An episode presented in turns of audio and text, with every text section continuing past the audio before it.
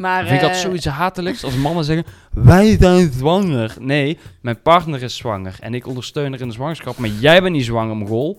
we Jezus, praten hier over kom. een aantal jaar nog wel terug. Ja, wij zijn nooit zwanger. Wij gaan nooit zwanger worden. Jij gaat zwanger worden en ik ben de boosdoener.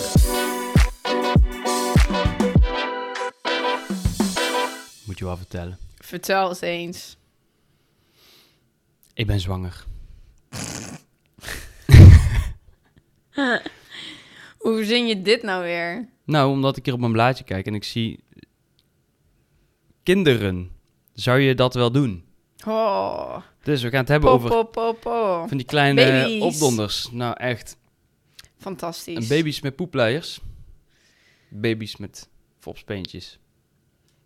Kleuters, Baby's die tieners. s'avonds in bed stopt en toefluistert. Uiteindelijk worden ze ook pubers. Baby's zijn soms echt lelijk, maar lief.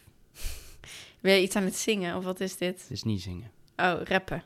Het is ook niet rap, ik ben het gewoon aan het vertellen. Oh, Maar ja, het is wel de songtekst van, eh, van Baby's. Baby's, Baby's. van Styx. oké. Oké. Kleine Max Moos Machteloos in de. Maxi-cozy. Ja, ik denk goed. dat het tijd is eh, voor Ja. gewoon de gabbelton. Ik heb zin om straks over baby's te praten. We gingen naar de grabbelton. ik ga meteen grabbelen. Ehm, alleen naar een pretpark gaan. Zou je dat wel doen? Nou, als dat betekent dat ik een gesprek over baby's kan vermijden, dan graag. Alleen naar een pretpark. Nee, ik vind, eh, ik vind het eigenlijk een hele leuke. Want hoe vaak doe je nou dingen voor jezelf? Kijk, als je het leuk vindt, Ja, hè? Ja, Als je het leuk vindt. Een pretpark is wel, vind ik altijd heel gezellig met anderen. Want je staat... Kijk, ik ga over het algemeen als ik naar pretpark ga naar de Efteling. En dan sta je gewoon op een gezellige dag. Hè, Zeker wel een uurtje. uurtje, eh, in de anderhalf uur in de rij. Ja, in je eentje is dat dan toch wel lang en best saai. Ja. Eh, maar misschien dat jij eh, wel heel veel geniet gewoon van andere mensen zien. Ik zag laatst, wij waren laatst in de Efteling. En toen zag ik een, eh, man, een man van echt in de 70 in zijn eentje in de, in de gewoon gondola. alleen. Maar ja, uiteindelijk is de vraag: is hij dan alleen of heeft hij gewoon zijn kinderen ergens achtergelaten en zijn kleinkinderen? Ja, en dat hij dan zegt, ja, gaan jullie maar in de baron of zo. Ik ga Ja. wel even... Ja, Ga wel in een bootje. Dat kan. Ja, hij zat in zijn eentje in een bootje, een beetje brood te voeren aan eentjes. Was fucking grappig. Was echt heel schattig. Heel schattig. Heel schattig. Ja, ik vind pretparken fantastisch. En dan voornamelijk echt de Efteling. Daar maak je me echt, ge- echt... Als we daar nu over praten, echt geluksgevoel. Door heel mijn lichaam. Ik denk dan nu al, oh, ik ga naar de auto Oh, stappen. Ik jij- ga nu gewoon. Jij wordt overspoeld door een tsunami van euforie deze aflevering. Efteling, baby's. Wauw. Het is niet te geloven. Oh. Nee, maar ik zweer het. Ik word zo gelukkig van de Efteling. Ik heb dus nu een sleutel Dan voel ik me zo gelukkig. Ja, maar ik heb een sleutel. We zijn dus naar de Efteling geweest, eh, twee weken geleden of zo. En eh, ik heb, moet nog steeds een video daarvan editen trouwens. Maar dat er zeiden, ik heb een sleutelhanger met een foto van mij en Wouter. En ik kijk dus nu iedere keer naar die foto en denk, oh mijn god, Efteling. Ik word zo blij, als een kind zo blij. Ik voel me dan ook echt eventjes gewoon acht in, die, in het pretpark. Oh, het is zo fout dat je dit nu zegt. nou, nu voortaan als we naar een pretpark gaan, dan voel ik me als een volwassen man met een kind van acht aan mijn arm. Nee, dat is je, fout, de boel. je dat is weet niet dat goed. ik niet zo ben en ik gedraag me ook niet zo. Maar nou, nou, er gaat gewoon nou. zo'n ik krijg gewoon echt zo'n geluksgevoel. Echt Ja, een geluksgevoel van de Efteling. Ja. Ja, nou, ik moet zeggen, ik vind Efteling wel lachen. hey, maar eh, we gaan het helemaal niet echt Maar over alleen- Efteling hebben. We gaan het hebben over, zou je in je eentje Ja, naar maar een dat pretpark wilde ik gaan? zeggen. Alleen naar de Efteling gaan. Ik denk dat het hele gevoel voor mij wel een beetje... Ja, maar ik moet wel zeggen, alleen dingen doen, jezelf op date nemen. Absoluut. Hè, dat zie ik dus wel vaker. Dat is wel iets waar ik zelf als man ook niet zo gauw aan denk. Want ik denk, ja, boeien, eh, eenzaamheid is ook oké. Ja. Ehm, ja, weet je, is dat dan iets wat je eh, zou doen? Maar jezelf op date nemen, ja.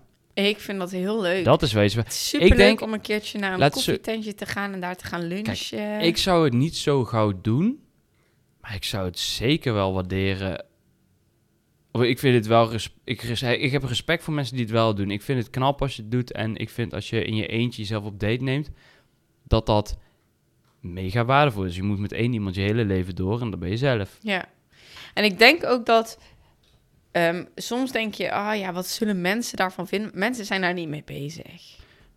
Kan jij herinneren dat je ja, voor het laatst... als je oud bent. En je Ja, maar kan je herinneren dat je voor het laatst in een pretpark of in een cafeetje zat of, hè, en iemand in zijn eentje zag? Nee, absoluut Nee, ik ook niet. Nou, dan weet je Ja, dus ook... behalve die oude man. Ja, dan weet je Maar dat dus... is gewoon schattig. Ja, maar dan weet je dus ook hoe erg het bijblijft. Ja. Dus de mening van anderen is daar irrelevant in. Ja, eh, zou je het doen in je eentje naar een pretpark? Ik zou niet gaan voor een pretpark. ik ook maar niet. ik weet wie de casus heeft ingestuurd. Maar misschien vind je het wel heel leuk. En ik weet dat deze persoon echt... Ik weet ook welk pretpark. Ik weet ook hoe erg fan eh, hij of zij is van dat pretpark. Eh, in jouw schoenen is naar een pretpark gaan in je eentje... hetzelfde als voor ons in je eentje een kop koffie drinken is... of gewoon... Daar geniet je van, snap je? ja. Dus, Je hoeft ook niet per se de attracties in. Alleen dan kijk ik naar het geldkostenplaatje en dan denk ik... en hetzelfde als Wow, naar een theater vet. gaan. Of zo. zou je Ja. eentje naar de film gaan of naar een theater? Ik zou wel in mijn eentje naar het theater kunnen gaan. Ja, film. Ja, dan ga ik wel op de bank. Ja, film zou ik ook op de bank. Maar het theater bijvoorbeeld, ja, ik zou ook wel in mijn eentje gewoon naar een theaterstuk kunnen Ja. gaan. En ehm, ja, is eigenlijk een beetje hetzelfde. Ja, precies. Snap je? Dus ik zou zeggen, ja, even heel specifiek deze persoon, ja zeker. Eh, in mijn schoenen, ik zou dan zelf persoonlijk niet zo gauw gaan voor een pretpark, omdat ik zelf best wel een zeiksnor ben. Dus dan ga ik naar een pretpark en dan ben ik eigenlijk helemaal chagrijnig en geïrriteerd door alle mensen die voor mijn voeten lopen en altijd in de weg staan. En dan moet ik gaan wachten en dan moet ik over de hoofdprijs betalen. vind ik allemaal helemaal reuk en vervelend. Maar, daarom neem ik Vera mee, dan heb ik iemand om tegen te zeuren. Maar, maar nee, maar als maar je als daar heel er erg zo- van geniet, zo'n Als ik er pretpark. zo over leuk. nadenk, als ik echt een goedkoop kaartje voor de Efteling zou kunnen fixen...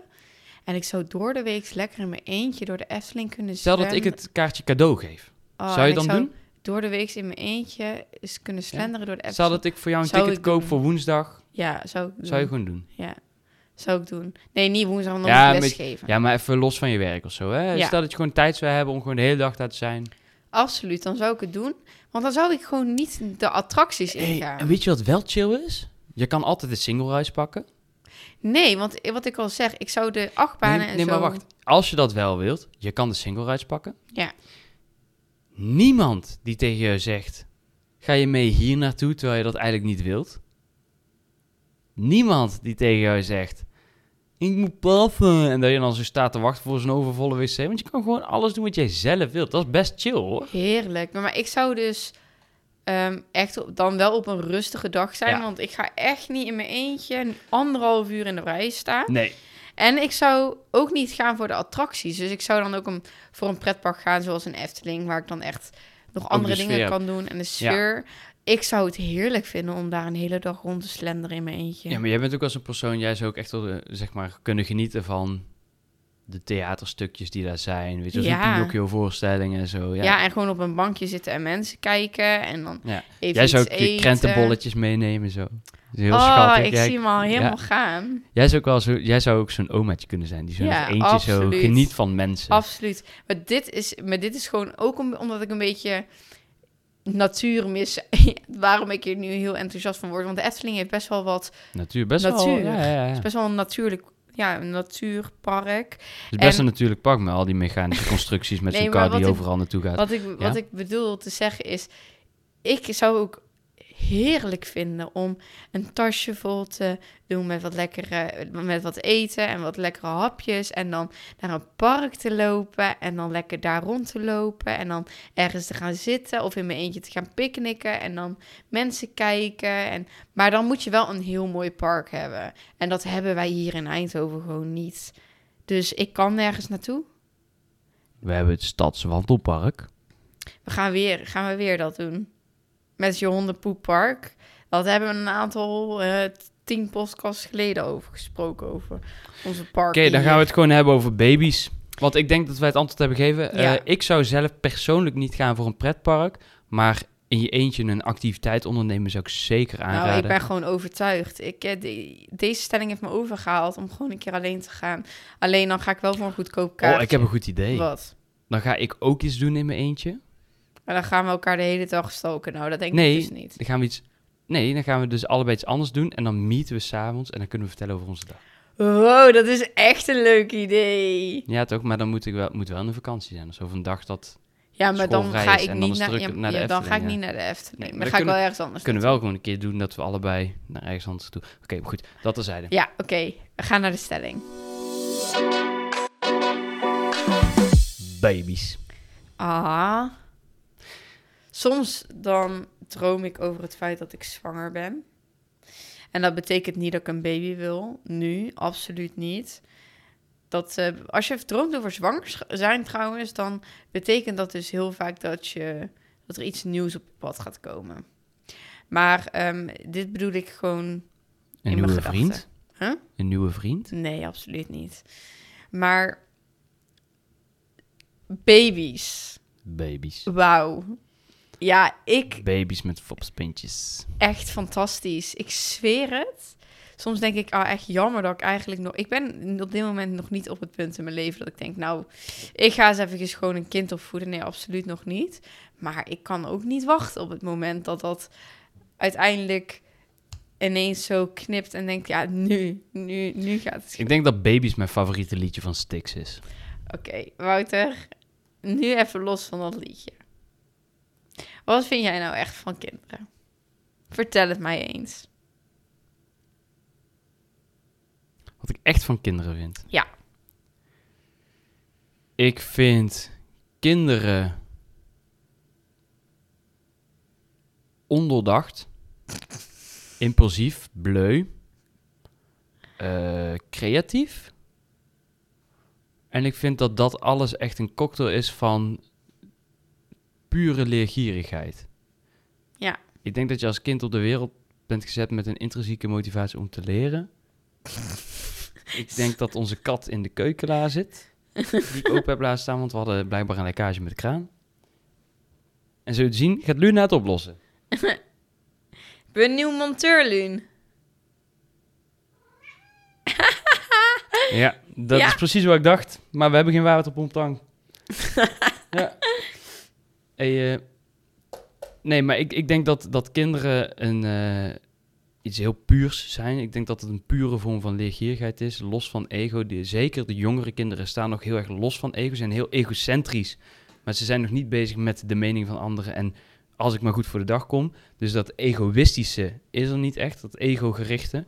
Ehm, wat ik wel eh, interessant vind is, wanneer ben je dan klaar om kinderen te krijgen? Ja, wij absoluut nog niet. Maar wanneer ben je dat inderdaad wel? Zal er ooit een moment komen in je leven dat je ineens zo hebt van... Nu, nu, nu is het er. Ja, ik denk dat dat meestal gebeurt op het moment dat je bevalt. Nee. Ja, dan is dat toch? Nou. Ja. Nee, maar er is toch... Kijk, Of het moment dat je denkt, nu ben ik ready. ja. Ja, nou, daar heb ik dus over nagedacht. Ik heb natuurlijk hier en daar wat kennis opgeschreven. Zoals ik altijd doe voor jullie. Maar, kijk, wanneer ben je ready om kinderen te krijgen? En de eerste vraag die ik dan altijd heb is, oké, Ben je ooit ready? ben je ooit ready? Ik Ja. denk dat je nooit ready bent. Maar ik denk dat je gewoon, laat het maar gewoon gebeuren. Snap je? Ik denk, ooit heb je zo'n moment van, het maakt niet meer uit, als het gebeurt, gebeurt het. Ik denk wel dat er een paar dingen zijn die helpen om het maar gewoon te laten gebeuren. En een van die dingen die daarbij helpt, is denk ik de ruimte hebben voor een baby. Eh, een vriend van mij die heeft nou inmiddels twee kleine rondhuppelen. En die woonde in een appartementje in Veldhoven. Die hadden een slaapkamer, een woonkamer. En dat was een woonkeuken, zeg maar, en een badkamer. Dat was niet al te groot. Die zijn verhuisd, hebben een huis gekocht. Hadden ze in meerdere kamers. Eén kamer werd direct omgetoverd tot kinderkamer natuurlijk. Werd zo gedoopt tot kinderkamer. En binnen no time was zij zwanger. Ja. En ehm, het interessante is dat ik ervan overtuigd ben dat wij hier, wij hebben hier ook geen ruimte voor een kind. Ik, ik wil hier ook absoluut geen kind. Ik ben daar niet ready voor hier. Ik zou dat nog niet kunnen laten gebeuren. Maar waarom? Omdat we de ruimte niet hebben. Wat dan? Ga ik een, een, een, een eh, ledikant hier in de, in de woonkamer zetten? Waar wil je dat of neerzetten? gaan we die, gaan we die eh, naast, het, naast het bed van Luna zetten? Vond ik best wel verwend is dat onze kat gewoon een bed heeft. Nou, het is een Dat is kastje. Een bedje. Een schattig bedje. Maar goed, maar dat is zij dus ruimte. Ik denk dat tijd waardevol is. Ik denk namelijk dat als we allebei ambities hebben in een ondernemerschap en dingen willen bereiken, En we zijn daar fulltime mee bezig, misschien wel meer dan fulltime. En je Ja. draait anderhalf tot twee FTE, zeg maar, om te werken. En je hebt daar plezier in. Ja, dan heb je ook niet de tijd om voor een kind te zorgen. Dus je zult wel tijd moeten maken om dat kind te verzorgen. Ehm, dus, dus dat is een ding. En dan krijg je financiën. Heb je genoeg geld bij elkaar gespaard om tegenslagen financieel te kunnen dragen? Dat je gewoon een, een, een spaarpotje achter de hand hebt. Maar ook wat is je vermogenstoestroom, zeg maar. Hè? Kijk, ik kan wel een ton gespaard hebben. Maar als ik daar eh, heel lang over heb gedaan... omdat ik iedere maand maar 1000 euro binnenkrijg... wordt het knap lastig om daar Ja. een kleine te hebben. Terwijl als jouw vermogenstoestroom 5000 euro per maand is... ik verzin maar wat... is dat toch een stuk makkelijker. Ja, Snap je? Want als je spaarpotje doorheen gaat, wordt hij ook sneller weer aangevuld. En natuurlijk een stukje verantwoordelijkheid. Ben jij bereid om jezelf weg te cijferen voor een ander? Ben jij bereid om problemen op te lossen? Ben je bereid om jezelf over zaken heen te zetten en niet meer iedere vrijdag, zaterdag of zondag naar de kroeg te gaan, maar gewoon een keer thuis op de bank te zitten met je kleine in je arm naar Bambi te kijken? ja een Omdat kind hij moet is gaan een slapen, hele snap je? verantwoordelijkheid. Je moet daar die verantwoordelijkheid voor kunnen pakken en En een kind wordt ouder. Een kind blijft niet, zeg maar, forever onder de één. Ja, ja, en wat ik een interessante vind is, kijk, je hebt soms van die mensen dat ik denk, waarom, waarom ben jij vader of moeder? Of hoe je jezelf ook wil identificeren. Want ik ga liefde verspreiden. Je mag zijn wie je wilt. Het is man of vrouw. Een van de twee. maar goed.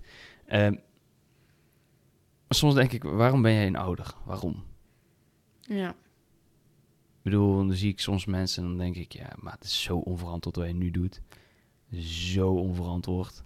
ja, maar ja, die hebben gewoon de keuze gemaakt, die zijn zwanger geworden. En misschien was het inderdaad niet op het moment in hun leven dat ze dachten... dit is Ja, maar ook als, je, ook als je kind inmiddels gewoon eh, ja, bijna 16 is of zo, 17, 18, dan mag je inmiddels toch wel de verantwoordelijkheid pakken en gewoon volgroeid zijn, toch? Dan ben Ja. je zelf, eh, is dadelijk je kind verantwoordelijker dan jij. Ja, Ja, dat kan echt niet.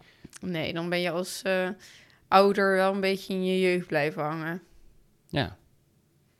Maar goed, dat terzijde. Dus ik heb zoiets van, dat moet er wel zijn om aan een kind te beginnen. En soms gebeuren dingen gewoon, ja, shit happens.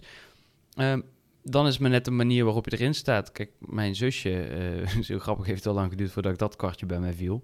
Eh, mijn zusje was eigenlijk helemaal niet de bedoeling. Blijkbaar.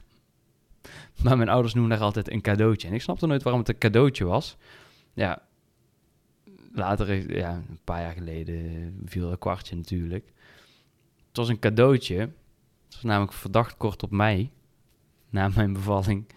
Eh, of na de bevalling van mij. Eh, super, ja, na mijn geboorte. Eh, ja, was mijn moeder zwanger van mijn zusje. Waarom is het dan een cadeautje? Ja, meestal zeggen mensen dat is een ongelukje. Maar wat als nou niet de bedoeling was, maar wel wenselijk is?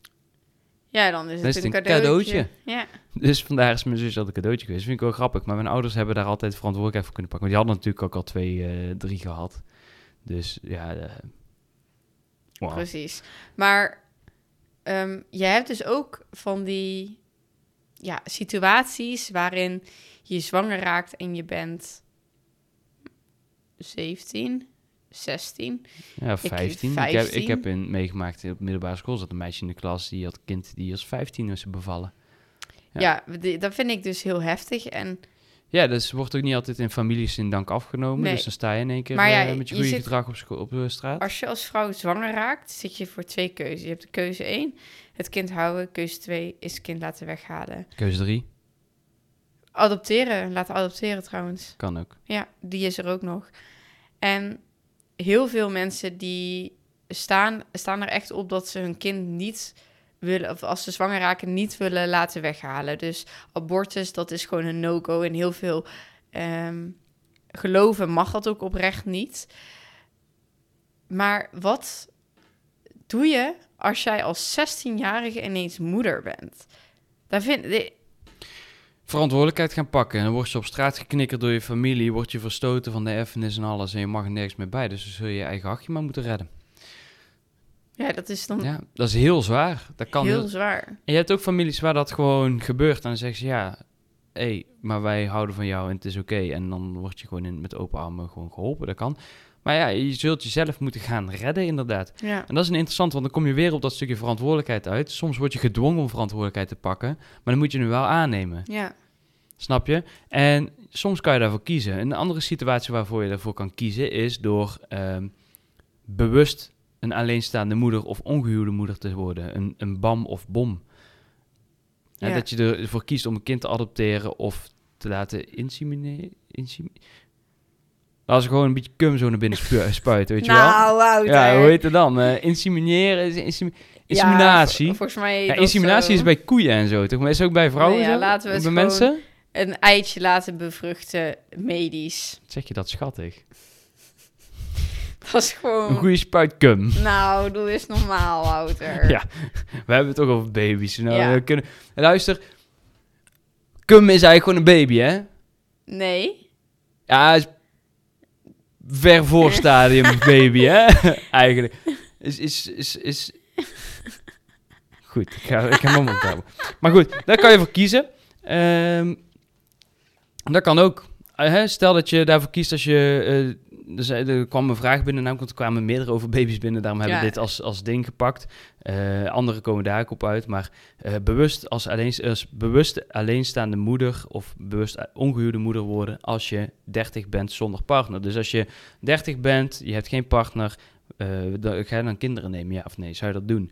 En dat is ook een interessante, dat is een keuze die je kan maken. En dan moet je wel die verantwoordelijkheid hebben, want dan wordt er niet meer in je strot gedouwd van oké, neem hem. Kijk, als je 16 bent en je wordt moeder, je bent per ongeluk zwanger en eh, je wordt verstoten door heel je familie, maar je moet dat kind opvoeden en dan kom je in een overlevingsstaat, dan moet je die verantwoordelijkheid wel gaan pakken. Ja. Als je 30 bent, ongehuwd of alleenstaand en je kiest daarvoor, dan kies jij voor die verantwoordelijkheid. Dan zou ik wel zeggen, zou je dat dan doen? Ja, denk aan die ruimte, tijd, financiën en verantwoordelijkheid. En dan wordt die verantwoordelijkheid ook net even wat anders, want dan moet je verantwoordelijkheid pakken voor de rol van de vader en de moeder in één. Ja, dat vind ik... eh, Want je krijgt dan, ja, maar dan krijg je te maken met de hechtingstheorie van Bowlby. Want Bowlby die zegt, oké, hè, eh, kinderen kunnen eh, op verschillende manieren hechten. Eh, wat interessant is, is dat ook bij adoptie die kinderen hechten aan jou. Ja. Het hoeft niet de, de draagmoeder te zijn geweest Nee. of de biologische moeder. Kan ook gewoon een verzorger zijn. Maar je hebt vier stijlen van hechting. Je hebt een veilige hechting. Bij een veilige hechting zoekt het kind contact met de zorger, verzorger, met ouder, even voor het gemak, ouder of verzorger. Eh, bij een onveilige hechting, onveilig vermijdende hechtingstijl, dan vermijdt het kind contact. Dat betekent niet dat het nooit contact heeft, zonder het zich niet af met probeert het te vermijden. Dus het is wat minder grappig.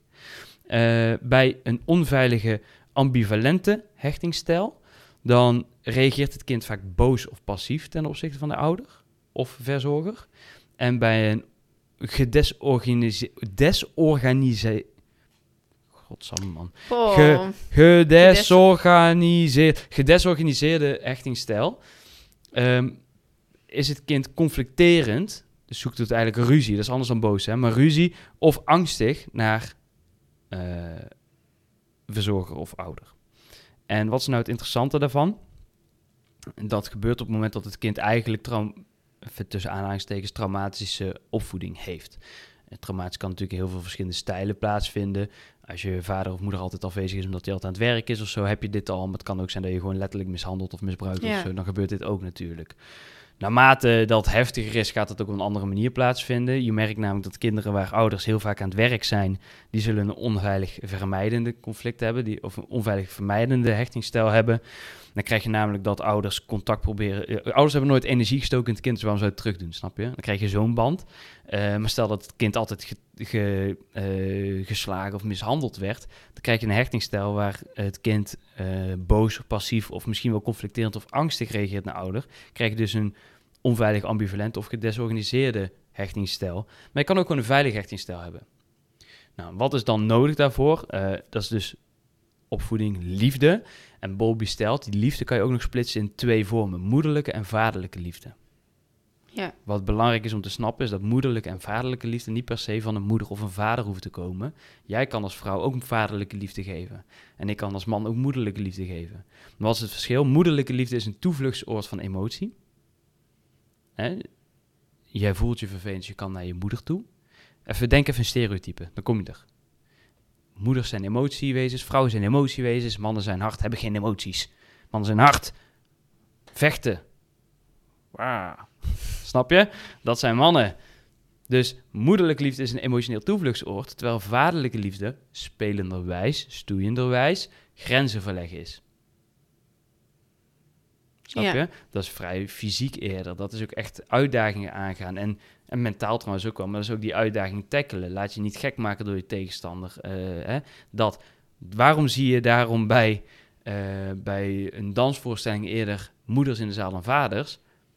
Omdat een vrouw, een dans is emotie, is, is emotioneel vaak. Is wat emotie, voller met emotie. En dat vinden vrouwen vaak wat interessanter dan mannen. Mannen kunnen dat ook interessant vinden, maar over het algemeen zullen daar eerder moeders naartoe gaan dan vaders. Ja, al vind ik dat... Tenzij je bij een competitie komt. Het wordt pas duidelijk op het voetbalveld. Daar zie je vooral vaders. Nou ja, maar weet je wat het is? Ik vind dat... Is wel over een kam Stereo- scheren. ja. Is wel stereotyperend. Klopt, maar dat is even... Het stereotype is wel even heel zwart-wit Ja. en dat maakt het wel duidelijk. Oké. Er zijn altijd uitzonderingen op de regel, maar ik pak expres een stereotype even. Hè.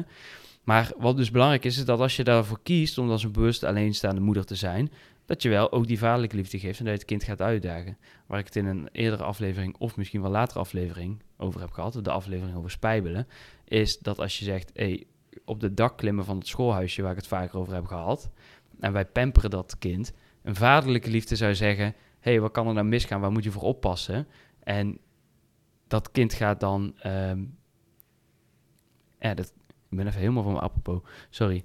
Eh, die vader zou zeggen van... hey, wat is wijsheid? Wat gaat gebeuren? Wat kan misgaan? Snap je? Terwijl die moederlijke, lie- moederlijke liefde gaat eerder op emotioneel vlak zitten... en die gaat dat meer pamperen en zo. Dus dat. Dat moet je kunnen. Ja, dat is best wel lastig als je in je eentje bent. Dat is best lastig, want je moet niet alleen vergeten dat je dat moet doen, maar je moet ook fulltime werken, want je moet voldoende financiën, inko- inkomsten Ja. genereren. En je moet dus de tijd hebben, je moet werken, je moet de ruimte hebben, je moet de verantwoordelijkheid kunnen pakken, eigenlijk twee rollen tegelijk. Ik denk dat dat best zwaar is. Ja, en dan, je wilt ook niet, want ik vind daar persoonlijk ook wat van als je je kind zeg maar 24-7 bij de opvang zet. Maar ja, je hebt wel een kind te onderhouden. Ja, ik heb daar niet alleen een mening over, ik vind dat gewoon zwakzinnig. Ja, ik vind dat dus- echt, eh, dan ontvlucht je eigenlijk jouw verantwoordelijkheid als ouder. Ja, dus wat het is, is als jij in je eentje een kind gaat opvoeden, opvoeden betekent dus dat je, je moet ergens je financiën van halen. Dus je kan eigenlijk niet fulltime werken, want je wilt eigenlijk ook niet je kind... hoe, hoe? Nou, dat. Dus je moet echt wel een doordacht plan hebben. Ja, zeker Maar- een doordagplan. Een kind is niet zeg maar een plantje. Nee, nee, het is niet water geven en hopen dat het niet ook geen kat. Eh, nee, maar dat is wel een interessante. Want je kan wel zeggen, dat is een andere stelling die binnenkwam. eh, hoe weet je dan of je verantwoordelijk genoeg bent? Nou, de vraag, zou je eerst een huisdier nemen om te kijken of je verantwoordelijk genoeg bent om aan kinderen te beginnen? Ja, ik las dit. Ja, ik vind dat toch wel echt iets, iets goeds in zitten, hè? Ik vind, daar wel, ik vind dat je het wel mag testen. Ik vind wel aan de andere kant, Kijk, een kind is niet te vergelijken met een eigenlijk als je zegt ik ben ready om een kind of om, om een dier te nemen. Ben je niet per se ready voor een kind.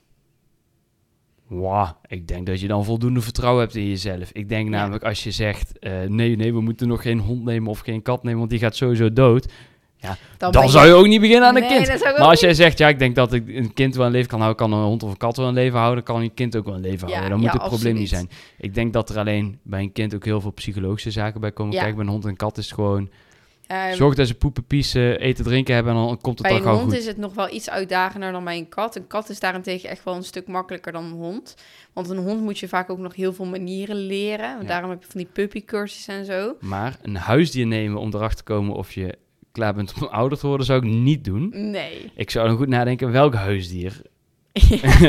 Want een goudvis nemen is niet bepaald iets, iets wat Nee, een indicatie kan geven. Ik vind het wel, zeg maar, als jij met z'n twee een dier in leven kan houden, dat geeft wel een goed teken dat jij dus uiteindelijk ook iets goeds kan doen Ja. voor een kind. Nou, onze kat die slaapt de hele dag. Ik denk dat ze levensmoe is. Nou, wij hebben echt een hele leuke kat. Ik denk zelfs dat wij echt heel goed kinderen zouden kunnen opvoeden. Hey. Wouter, kom maar weer terug bij de podcast in plaats van bij Luna. Die was aan het slapen en nu heb je de wakker gemaakt.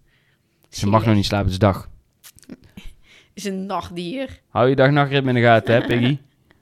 Dus kijk maar super chagrijnig aan. Maar-. Wat maak je mij wakker? Wouter, Ja, sorry. Ja. wij zouden eigenlijk heel goed een kind kunnen opvoeden. Het is alleen dat onze ruimte en gewoon ons tijd in ons leven, we zitten nog veel te veel qua carrière zijn we mee bezig. Dus ik heb nog tijd om er een knopje in te laten leggen. Carrière, ruimte, dat staat er gewoon nog niet voor dat we een kind daarbij kunnen gaan. eh, Financiën, tijd. Eigenlijk alleen verantwoordelijkheid. We, we zouden, we zouden. En ook daar heb ik af en toe mijn twijfels over als ik ons zie. Nou, nee, dat denk ik echt niet. Ik denk absoluut niet. Nou, er zijn wel eens dagen geweest dat we hier de, gewoon met steun op de bank zitten, rondkijken en zeggen: Zo, het is echt een teringbende. We moeten echt Ja. opruimen. En het eerste wat we doen is een nieuwe serie op Netflix aanzetten. Van fuck deze bende. Ja, daar hebben we echt ja, wel dat dagen hebben we gehad. wel eens gehad. Maar het betekent niet dat eh, dat, dat zorgt dat we slecht zijn om een kind op te voeden. Je moet zo zien.